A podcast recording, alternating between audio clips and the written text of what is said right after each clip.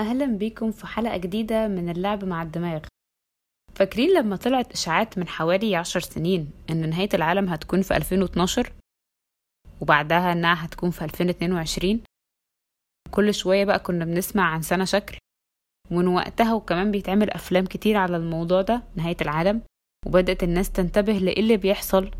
وبدأت حركات كتير من وقتها تهتم بالبيئة وتنشر التوعية عشان نأجل نهاية العالم شوية. ومن أشهر الحركات اللي اتعملت كانت لمواجهة أزمة الاحتباس الحراري ال global warming وبعدها كان لمواجهة التلوث وآخرها وأقرب حاجة كان موضوع البلاستيك. كل دي كانت محاولات للحفاظ على البيئة والحقيقة إن الطبيعة لقت إن مفيش مننا فايدة. فقررت تبعت لنا هدية كده تقعدنا في البيت كلنا غصب عننا وترتاح هي وتاخد نفسها شوية. مش محتاجة أوضح إني بتكلم عن الفيروس الشهير كورونا فيروس. وبما إن البودكاست علمية فخلينا أقول كوفيد 19 على قد ما كان مؤذي ومتوحش وتسبب في موت الآلاف لكنه كان حل مثالي للبيئة إنها تتخلص مننا لفترة قليلة. أنا حنين المغربي وبقدم معاكم بودكاست اللعب مع الدماغ كل يوم تلات.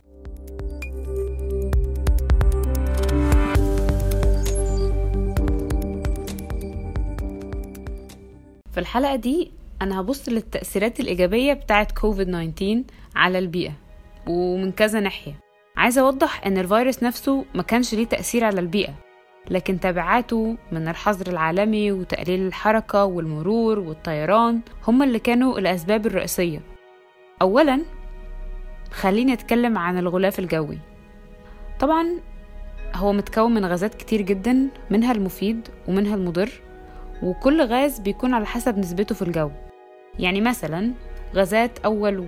وثاني أكسيد الكربون وأكسيد النيتريت دول من الغازات اللي وجودهم بنسبة كبيرة في الجو بيكون مضر جدا عشان أولا بيزودوا نسبة الاحتباس الحراري وكمان بيزودوا معدل تكسير طبقة الأوزون تعالوا بقى أوضح شوية حاجات كده على السريع أول حاجة الاحتباس الحراري وده هو ارتفاع في درجة حرارة الجو بطريقة أكتر من الطبيعي لدرجة إن الحرارة دي مش بتكون عارفة تخرج من الغلاف الجوي وبالتالي بتنعكس علينا وبتبدأ تأثر على المناخ العام وتسبب بقى كوارث طبيعية زي الجفاف أو الفيضان وهكذا.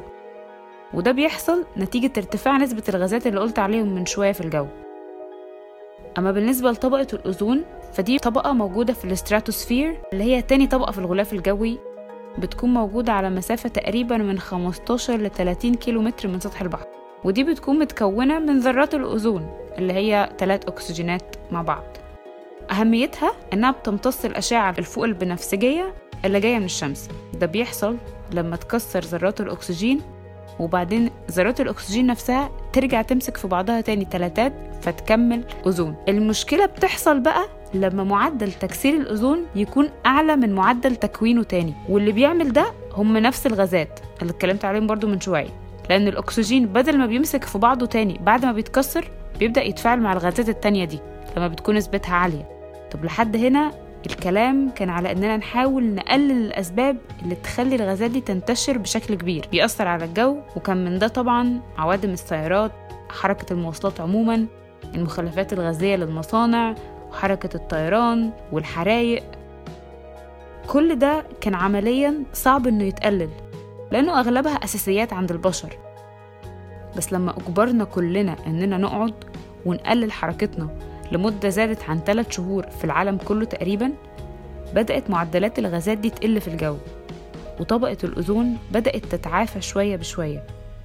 وحتى نسبة الاحتباس الحراري قلت حوالي 40% وده اللي خلى الملوثات في الهواء تقل وجودة الهواء نفسه تزيد بنسبة كبيرة. النسبة دي طبعا بتختلف في كل دولة على حسب مدة الحظر فيها كان قد إيه. بس للأسف بعد ما العالم يعلن نهاية الكورونا ونرجع تاني لممارسة حياتنا اليومية بشكل طبيعي هنرجع تاني زي الأول. وفي مصادر بتقول إنه ممكن مش بس نرجع زي الأول لا الموضوع ممكن يكون مضاعف وساعتها هتكون مشكلة أكبر.